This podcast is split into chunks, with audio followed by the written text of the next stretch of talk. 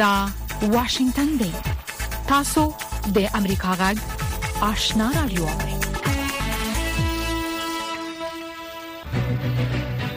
قدرمن اوریدونکو السلام علیکم زه شافیا سردار یم دا د امریکا غږ آشنا رادیو خبرونه پیل شوه لومړی به خبرونه واوري السلام علیکم درنو ریدونکو ستړي مشي زه زیبا خادم یم دا د امریکا غږ آشنا رادیو خبرونه ده د نړۍ د دې ساعت خبرونو ته ساسې پام را اړوم د طالبانو د حکومت رئیس الوزرا مولا محمد حسن اخوند د پاکستان نه د سنیدونکو افغان مهاجرو سره د پاکستانی امنیتي منسوبینو د غیر انساني چلند په حق له د خبرو شو راپورټونو په جواب کې پاکستان ته خبرداري ورکړې ده او ویلي دي چې پاکستانی چارواکي دي د خپل راتلونکو په حق لا فکر وکړي مولا محمد حسن اخوند د جمعې په ورځ د نومبر په دریمه په ویډیوي وینا کې ویلي دي چې د الله او د الله د قهر نه وویریږي او د خپل آینده فکر وکړي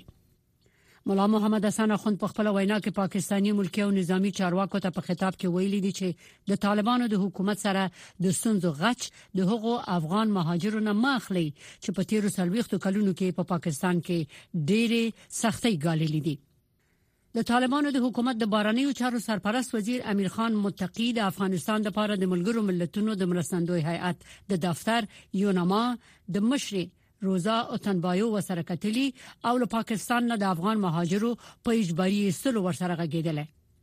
د دغه وزارت نطاق عبدالقهار بلخي د نوومبر په دویمه د ایکس په ټولنیزه پاڼه کې لیکلي دي چې په دې غونډه کې د افغانانو سره د پاکستان د امنیتي ادارو غیر انساني چلن او همدا شان وطن ته د سنیدونکو افغانانو سره د افغانستان د حکومت او د نړیوالو په مرستو تفصيلي خبري شوې دي ښاغلي متقي همداشان ویلي دي چې د پاکستان نه د وتونکو افغانانو په کورونو چاپې وهل کیږي نقد شتمنۍ په زور خسل کیږي او د منقول شتمنۍ ترانسپورتي وسایلو او سارویو د وړلو اجازه نه ورکول کیږي خاغلی متقی د ملګرو ملتونو او نورو نړیوالو سازمانونو نمرسته غوښتي او ویلي دي چې دغه سازمانونه باید خپل مکلفیتونه اجرا کړي د طالبانو د بارانیو چارو د وزارت ویان ویلي دي چې د یونما مشر په خپل خبرو کې ویلي دي چې دوی وضعیت په دقت ساري اړوند ادارې د مرستې لپاره په ساحه کې موجود دي او په دې اړه به د نړیوالو د پام را اړولو او مرستو را جلبولو لپاره خپل هڅو ته ادامه ورکړي د سیمې او نړۍ خبرونه د امریکا غږ آشنا رادیو نه اوري په پا پاکستان کې د پولیسو چارواکي وایي چې نن سهار په دیری اسماعیل خان کې د ټانک اډې سره نږدې چاودنه شوې ده په پا پاکستان کې د فبرवरी په 8مه نیټه عمومي انتخابات کیږي مونږ د امریکا غږ آشنا رادیو نه غږیږو د افغانستان سیمه او نړۍ خبرونه ادامه لري د ایران قضایه قوه وایي چې نن د جمعې په ورځ د ایران په شمال کې د معتادانو د علاج په یو مرکز کې اور لګیدل دي لږ تر لږه او ویش کسه پکې مړ شوې دي میزان ویب سایت د ګیلان د ولایت د لوی سارنوالۍ د دفتر په حواله خبر ورکړی دی چې دغه او ویش کسه هغه وخت مړ شول او 12 کسان نور ټپيان شول چې په لنګ روډ کې د معتادانو د علاج په یو کمپ کې اور ولګیده د اور د لګیدو علت تر اوسه نه دی معلوم سپینه مانې وایي په دې غور کوي چې د اسرایل او حماس په جګړه کې یو ډول وقفه راشي چې خلک په خوندي ډول د غزې نه ووزي او بشري مرستې غزې ته ورسیږي خو سپینه مانې د بشپړ اوربند سره بیا مخالفت څرګند کړی دی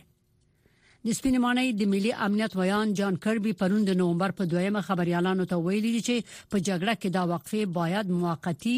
او محلي وي او ټینګار وکړ چې د اسرایل د دفاع مخه نه نیسي د ملګرو ملتونو کارپوهانو په غزا کې د بشرپالنې لمخې د اوربند غوښتنه کړې ده د کارپوهانو د غډلې د دې لپاره د اوربند غوښتنه کړې ده چې هغو کسانو ته مرسته ورسیږي چې ډیره اړتیا ورته لري څه کم یو میاشت کېږي چې په غزه د اسرایل بریدونه دوام لري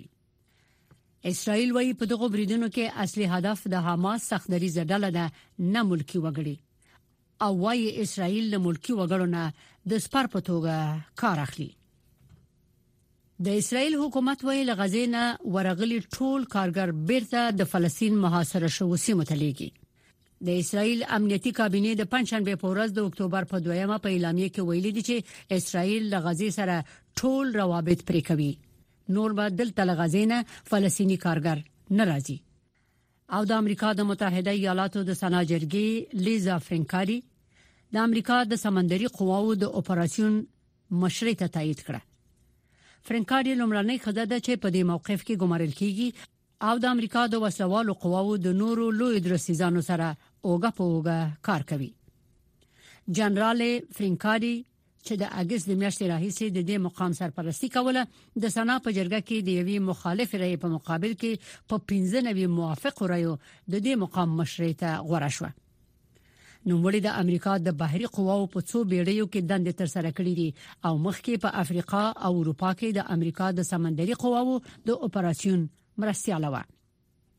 د امریکا د سنا جرګې همدغه راز جنرال ډیوډ الوین د امریکا د هوایي قواو د مشر په توګه تایید کړی دی د ته 15 نوي موافق رای ورکړ شوې دي آلوین پیلوټ دی او 3600 ساعتونه یې پرواز کړی دی زیبا خادم امریکا غږ واشنگتن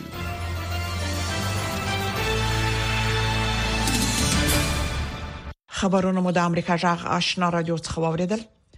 قدرمن اوریدونکو زموږ په دې سهارنۍ پښتو خبرونه کې د افغانستان سیمه او نړۍ د اوسنوي حالات په اړه کې مهمه طالب لرو هله د خبرونه تر پای واوري لومړی به دا رپوټ واوري چې د طالبانو د حکومت رئیس الوزرا مولا محمد احسان اخوند د پاکستان څخه د ستنیدونکو افغان کډوالو سره د پاکستاني امنیتي منسوبینو د ناسم چلن په اړه خبرو سو رپورټونو ته په خبرګون کې پاکستان ته خبرداري ورکړي او ویلي دي چې پاکستاني چارواکي د راتلونکو په اړه فکر وکړي. د سیاسي چارو ځینې افغان کارپوهان وايي چې پاکستان له طالبانو څخه د ټي ټي پي د ځپلو ترڅنګ ځینې هیلې لرلې چې دا هیلې تر اوسه نه دي پوره شوې په دې باره کې د کابل څخه اکرام شنواری رپورټ راستولی د طالبانو د حکومت رئیس الوزرا ملا محمد حسن اخوند له پاکستان پاکستان څخه د ستنیدونکو افغان کډوالو سره په دغه هیواد کې د پاکستاني امنیتي ځواکونو د ناسم چلند په اړه د خبرو شوو راپورونو وروسته د جمعې پر ورځ په یو نسبتا تنده ویډیوي وینا کې د دغو اقداماتو د عواقبو په اړه خبرداری ورکړ او د ښه ګاونډیتوب په اصل یې ټینګار وکړ. بیا چه ته راباسی د دی حق چا درکړی دی چه ته یې بی عزته کړی د دی حق تا ته چا درکړی دی چه ته یې په کورو ته ور اوړی د دی حق تا ته چا درکړی دی چه ته په موټر کی موټر سکل باسکل اخیستی تی جنې کښته کړې. د دې حق تا ته چا درکړی دی چې هغه په جیب کې لکو دوه لکه کلدارې راخیستی وعده نه درکوم ته څوک یې چې د ده مال شتمني ضبط کړې په دنیا کې یو قانون شته چې دغه شی د مسلمان پر مال چې الله سپارښت به راوړي هغه که حکومت دی که نظام دی که شخص د الله څخه وبیریږی. د الله د قهره وبېرېږي او د خپل آینده فکر وکړي. ملا محمد حسن اخوند په خپله وینا کې پاکستاني ملکي او نظامي چارواکو ته په خطاب کې وویل، د طالبانو حکومت سره د ستونزو غچ دې د هغه افغان کډوالو څخه چې په تېرو څلور لسیزو کې په دغه هېواد کې په ډېرې سختۍ ژوند تېر کړی، وانخلي. که چېرې داسې وي چې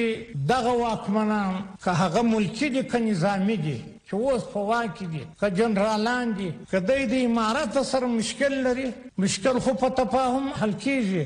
مشکل خو په په مذاکره حل کیږي مشکل په خبرو حل کیږي راسه کښېنه ته څه مشکل لري کښېنه نو خبره به وکړو هر ستونزه چې لري که ستاسو ستونزه زما سره لري د حکومت سره لري د امارت سره لري او زور هلته در دغه بی ګناه مسلمانانو باشی دا کم عقل دی کم منطق دی کم کم تعقل دی دا خو سل په سل کی د ټولو نورمونو د ټولو اصولو خلاف دی که د امارت سره مشکل لری خو را وړاندی سه په چیش کی مشکل لری خبره به سره وکړو. پاکستان حکومت لا تر اوسه د طالبانو د حکومت د رئیس الوزرا دغه سرګردون ته خبرګون نه دی خوندره خو د پاکستان حکومت ویلي چې د دغه هوا څخه د یو شریو ملیونو قانوني اسنادو نه لرونکو کډوالو د ایستلو پلان د کوم یو ځنګړي هوا د اوسیدونکو په خلاف نه دی بلکې د دغه پلان لمخې به د ټولو هغه هوادو وګړي چې په پاکستان کې د اوسېدو لپاره قانوني اسناد ونه لري د نوامبر د لومړۍ ورځې وروسته خپل هوادو ته واستول شي د ملا محمد حسن اخوند د څرګندونو د مخه د طالبانو د بهرنیو چارو وزارت سرپرست مولوي امیر خان متقي هم په اسلام آباد باندې تور لګولی و چې د کډوالو په ګډون د بشري حقوقو اړوند مسلو څخه د خپلو موخو لپاره کار اخلي همداشان مولوي متقي ویلي و چې د پاکستان د حکومت لخوا د راایستل کېدونکو افغانانو په کورونو چاپې وهل کیږي نقدي شتمني په زور اخیستل کیږي او د منقولو شتمنیو ترانسپورتي وسایلو او ان د څارویو د وړلو اجازه نه ورکول کیږي د پاکستان لړمحاله حکومت د اکتوبر د میاشتې په سر کې په دغه هیواد کې د مشتو قانوني اسنادو نه لرونکو یو شریو ملیونو کډوالو ته د نوامبر تر لومړۍ ورځې پر هیوادو ته د ستنیدلو ضرب الاجل ټاکلی و د حکومت په دغه پریکړه کې ویل شوی چې د ټاکلې نیټې وروسته به د قانوني اسنادو نه لرونکي کډوال چې یو شری سلور ملیونه افغانان دي ونیول شي او د ځانګړو مرکزونو کې د ساتلو وروسته به له دغه هیواد څخه وشړل شي د سیاسي چارو یو کارپو احمد سیدی د پاکستان د حکومت او طالبانو د حکومت ترمنځ د ستونزو یو علت د تحریک طالبان پاکستان د وسلوالې ډلې په مهارولو کې د طالبانو د حکومت نه همکاري ګڼي پاکستان توقع داشت از طالبان افغانی که تی تی تی یا طالبان پاکستانی را سرکوب کنند از افغانستان بیرون کنند که این کار نشد وضع اقتصاد پاکستان خوب نیست مشکلات انتخابات پیش روی دارند ناامن هستند میخواهند وانمود کنند که ما عامل این همه بدبختی ها افغان ها هستند احمد سعیدي وایي، وطن ته د یو اعشاریه اووه میلیونو افغان کډوالو ستنېدل به افغانستان د ځینو ستونزو سره مخ کړي، ځکه چې دا هېواد له وړاندې د اقتصادي ستونزو سره مخ دی. پاکستاني چارواکو د جمعې په ورځ ویلي، چې د اکتوبر د میاشتې راهیسې نن د جمعې تر ورځې له دغه هېواد څخه دوه سوه زره افغانان خپل وطن ته ستانه شوي دي.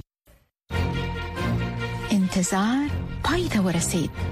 ترنو لیدونکو او اوریدونکو تاسو کولی شئ د امریکا غا ټلویزیونی او رادیوي خبرونه د یاشات ساتلایت له طریقو وګورئ او واورئ د نوي ساتلایت لارې تاسو د آشنا اتصال او کاروان ټلویزیونی خبرونه کتلای هم شئ د امریکا غږ د افغانستان څنګه خبرونه په 398 چنل او د آشنا رادیوي خبرونه په 390 شنل کې اوریدلای شئ لملتيامو د تل پشان مننه دا د امریکا جغ آشنا رادیو ده چې د پاکستان حکومت د ضرب الاجل عملیات د لارې د افغانانو د لیز اخراج پیل کړی دی د پنځشنبه په ورځ د کراچي په شار کې د پولیسو په عملیاتو کې تر څلو زیات کسان ونیول شول په داسې حال کې چې پولیسو د بلوچستان د کوټې په شهر کې 325 افغانان ونیول نور حال پر پورت کې ووري په پاکستان کې د هغه افغانانو د نیولو عملیات پیل شوي چې حکومت وايي په دغه هواد کې د قانوني اوسېدو اسناد نه لري چارواکي هم د غړول به اسناد افغانان هڅوي چې په خپل خوخه وتلو ته دوام ورکړي نن مو عملیات پیل کړل او د خلکو معلومات مو راټول کړل، زیاتره یې په خپله خوښه افغانستان ته تللي وو او کورونه یې خالي وو، له دغو کسانو څخه چې تللي وو نن مو څلور سوه پنځوس کسان نیولي او موږ به یې هم ورته ونیسو، سبا به عمل وکړو، دیارلس زره اووه سوه او نهه پنځوس کسان چې پیژندل شوي وو د نیولو او لیږلو بهیر یې روان دی. د پاکستان د چمن په سیمه کې دغه خلک د ایستل کېدو په انتظار کې دي. دغه خلک چې دې ځایونو ته راوړل شوي دي، د اساسي ضرورتونو هیڅ اسانتیاوې نه لري، حتی دوی د ماشومانو لپاره خواړه نه لري. بیمار دی ولې نه دی ښه بیمار شان دی نیولو ډاکټر له خېټې خراب دی دې ښځې زوی مې بیګا ټوله شپه ایندا بیمار او دغه دی وای وای به وای خدای دې ښه کړي وای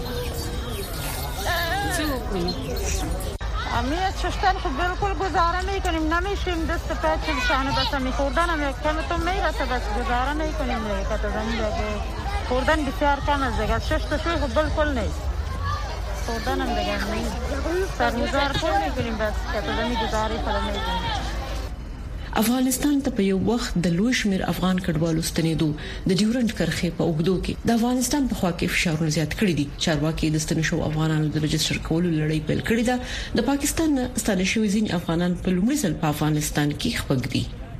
د جنوبي اسیا چارو یو مخکښ کارپو مايكل کوګلمن چې تیرونه یې پاکستان ته سفر کړو وایي چې پاکستان په طالبانو د ټي ټي پی لکبل د فشار اچولو لپاره کډوال شړي خدا سم کار نه دی د پاکستان لوري هیله ښايي دا وي چې طالبان به خپله پالیسي بدله کړي او یا به خپلې تګلارې داسې تنظیم کړي چې له پاکستان سره به یې د ټي ټي پي په اړه د دوی اندېښنو ته د رسیدو په برخه کې مرسته وکړي خو زما په فکر دا سم کار نه دی. یو ان ایچ سي ار خبرداری ورکړی چې د پاکستان له خوا د یو میلیون نه د زیاتو بې اسنادو افغانانو د ایستلو پلان د ناورین لامل کیدای شي. د افغانستان وضعیت ته په پام سره موږ د پاکستان پر حکومت غږ کوو چې د ټولو هغو کسانو چې د ګواښ سره مخ دي او په پاکستان کې ژوند کوي د هغوی خوندیتوب ته دوام ورکړي لکه څنګه تاسو په هیګي چې افغانستان د خزو او نجونو لپاره د بشري حقوقو ننګونو په ګډون له سختو بشري ننګونو سره مخ دي او د پاکستان حکومت دا پلان پلي کوي او موږ باور لرو چې دا ډول پلانونه به د ټولو بې ځایه شویو او د هغو کسانو لپاره جدي پایلې ولري.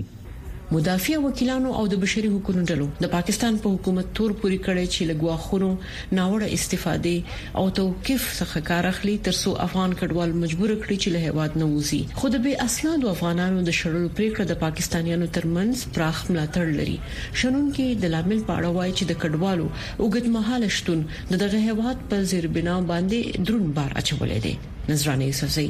امریکا غږ واشنګټن انتظار پای ته ورسید ترنو لیدونکو او اوریدونکو تاسو کولی شئ د امریکا غا ټلویزیونی او رادیوي خبرونه د یاسات ساتلایت له طریقو وګورئ او واورئ د نوي ساتلایت لارې تاسو د آشنا اتصال او کاروان ټلویزیونی خبرونه کتلای هم شئ د امریکا غږ د افغانستان څنګه خبرونه په 308 پټ چنل او د آشنا رادیوي خبرونه په 308 پټ چنل کې اوریدلای شئ لملتيامو د تل پشان مننه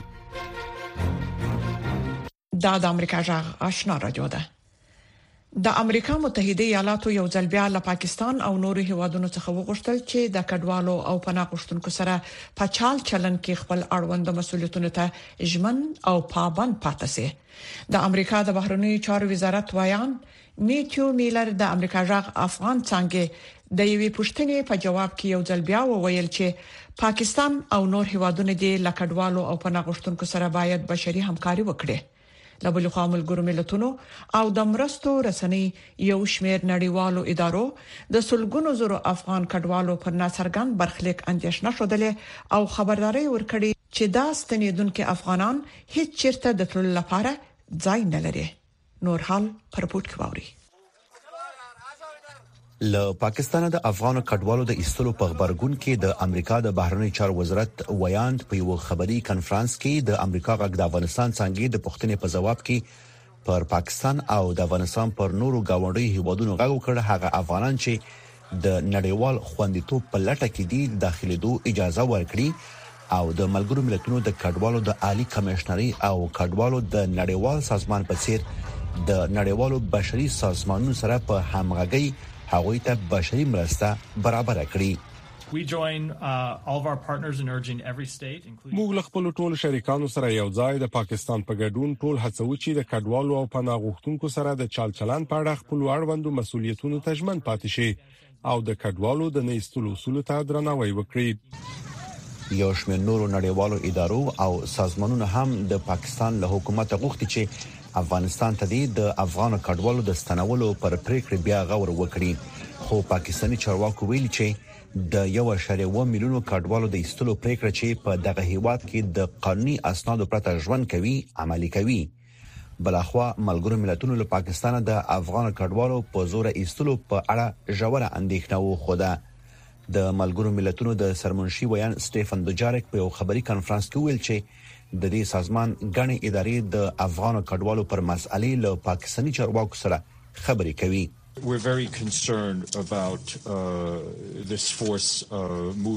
موږ د خلکو په زور ایستلو ته ډېره اندېښنه لرو. د ارزونو له مخې ښکاري چې ډېری دغه کډوال بېرته تګ ته چمتو نه دي. په ورته وخت کې د ناروې د کډوالو شورا، د ډنمارک د کډوالو شورا او د ژغورنې نړیوالې ادارې په یوه ګډه اعلامیه کې له پاکستان څخه افغانستان ته د سلګونو زرو جبري ستنیدونکو افغان کډوالو په ناڅرګند برخلیک اندېښنه خوده او دغه کډوالو د ستونزو د هوارولو او د یو نوي ناورین د مخنیوي لپاره د مرسته کوونکو ادارو څخه د بودجې د برابرولو غوښتنه کړې ده This is not the right time.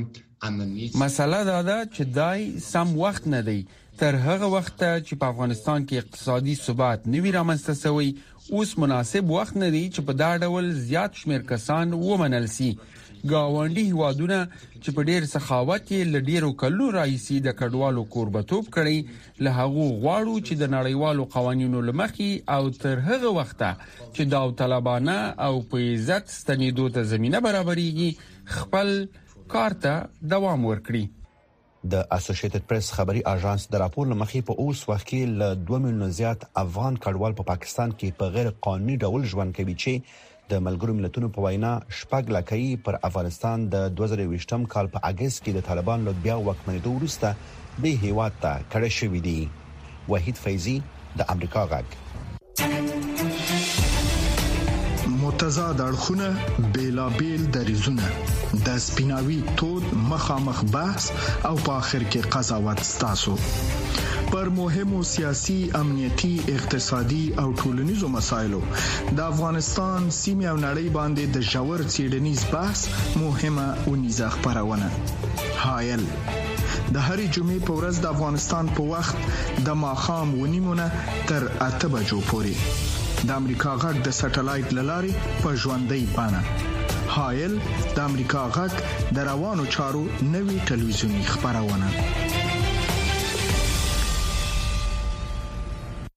قدرمن اوریدونکو د سپین بولدک لاري هوا ته راستنه سوي کډوال وایي د پاکستان لخوا په ډیر ظلم او بیرحمۍ راشړل شوې دي او د کورونو ډیر توکي او شتمنۍ حالت پاتې شوی د دوی په وینا په داسې حال کې پاکستاني نظامیانو له کورونو را ایستلې چې پیسې او نور شتمنۍ ترې لوټ کړه او دغه راز په کورونو کې هم ډیر وسایل پاتې شول نور حال پر پورت کوي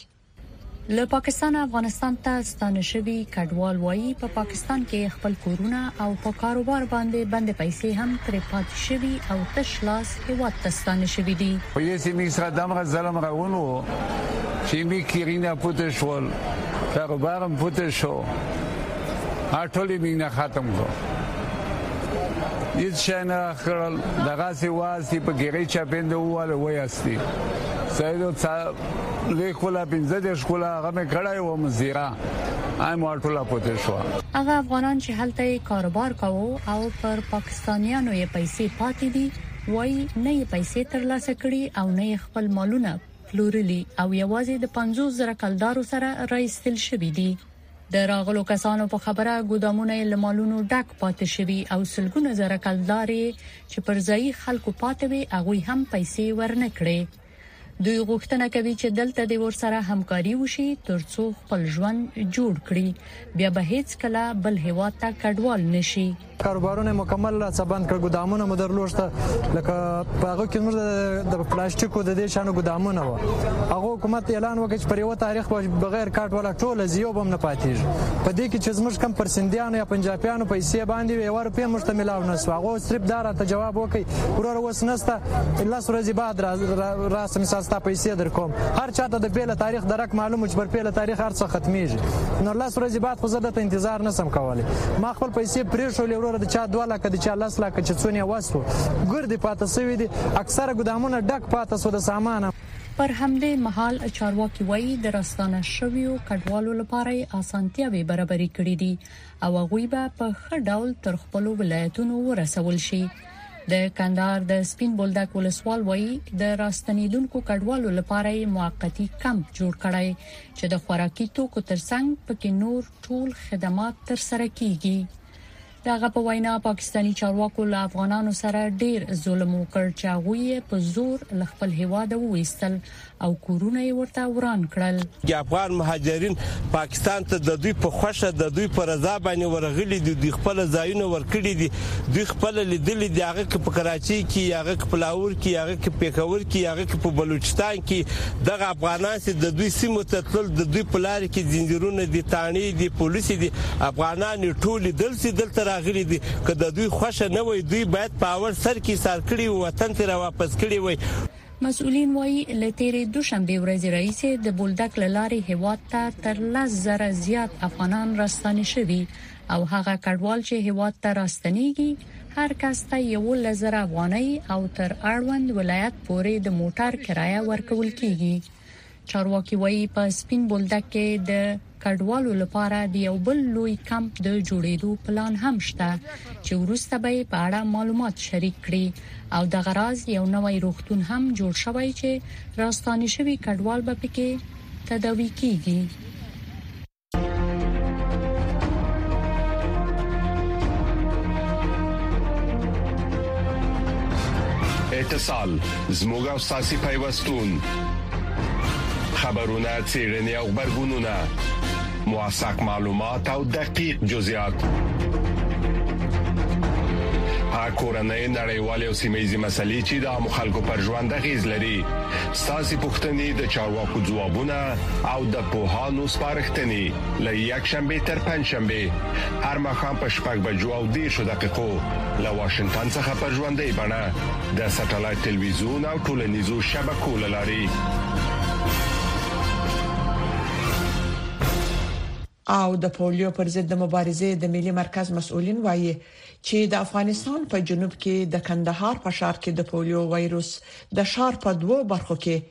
لیدل شوی دی نور حال زموږ د همکار صدیق الله صدیقي په رپورټ کې واوري. طبي مسولین وایي چې د پولیو وایروس د کندهار ښار په خندق او کاروان کوڅه سیمو کې لیدل شوی چې دواړه ګڼ میشتي سیمې دي. روغتي مسولین وایي چې په چاپیریال کې طبي څېړنې په څو اونیو کې یو ځل ترسره کیږي چې دا ځل د کندهار ښار په دوو برخو کې یاد وایروس ثابت شوی. له دې سره د کندهار ښار په هغو برخو کې چې په چاپیریال کې یې د پولیو وایروس ثابت شوی درې پیښو ته لوړ سو. د پولیو پر ضد مبارزې د ملي مرکز مسول ډاکټر نیکولي شاه مومینې په اړه داسې وايي. په جنوب زون کې الحمدلله د فولیو د ناروغۍ کومه انساني پېښه تر اوسه نه لرو، خو متاسفانه د کندهار په ښار کې په کروان کوڅه او د خندق په سیمو کې د فولیو د ناروغۍ دوه محیطي سیمپل یا انوایرومنټل سیمپل چې په اوبو کې موندل کیږي هغه مثبت دي لکه څنګه چې تاسو خبر یی چې یو مخکې مثبت و او دوا دغه مثبت دي روغتیايي مسولین زیاتوي چې په کندهار کې د پولیو محیطي پیښو ته په غبرګون کې یې د پولیو نوي پروګرامونه طرحه کړي دي چې د عملي کېدو لپاره به یې نوي کمپاینونه پیل کړي ډاکټر نیکولي شاه وایي چې له نوي کمپاینونو څخه موخه دا ده چې نورو سیمو ته د پولیو وایروس د خپرېدو مخنیوی وکړي په کندهار کې په دوه زره درویشت م کال کې محیطي سیمپل یا انوایرمنټل سیمپل په اوبو کې درې پېښې لرو چې دې لپاره موږ منظم تدابیر نیولي دي ان شاء الله کوشش مو دا دی چې دا وایرس نورو ځایو ته سرایت ونه کړي. د کندهار ښار اوسېدونکي هم پر کورنیو ږغ کوي چې خپلو ماشومانو ته په هر کمپاین کې واکسین ورکړي. د کندهار ښار اوسېدونکی ثناءالله په اړه داسې وايي. دا یو ډېر خطرناک ناروغي ده. زیاتره ماشومان له پرد سره مخ کیږي که چیرې دوی د پولیو واکسین ونه لګي یا هم پولیو واکسین وانخلي د هغو کورنۍ څخه مغوښتنه ده چې دوی د خپل کوچنیان واکسین کې ترڅو د خطرناک ناروغي څخه دوی ماشومان ساتل شي د پولیو پر ضد د مبارزې مسولین زیاتوي چې په چاپیریال کې د پولیو وایروس موجودیت څرګندوي چې کندهار لا هم د پولیو وایروس د خپرېدو عمده سیمه ده. که څه هم په دوه زره درویشت میلادي کال کې د پولیو مثبته پېښه په کندهار کې نه ده لیدل شوې، خو په چاپېریال کې د وایروس موجودیت د زرګونو ماشومانو د روغتیا لپاره جدي ګواښ ګڼل کېږي. د بدلون پر مهال، کله چې د نړۍ وضعیت څرګند نه وي او کله چې اورېدل له عیني واقعیتونو سره سمون نه خوري،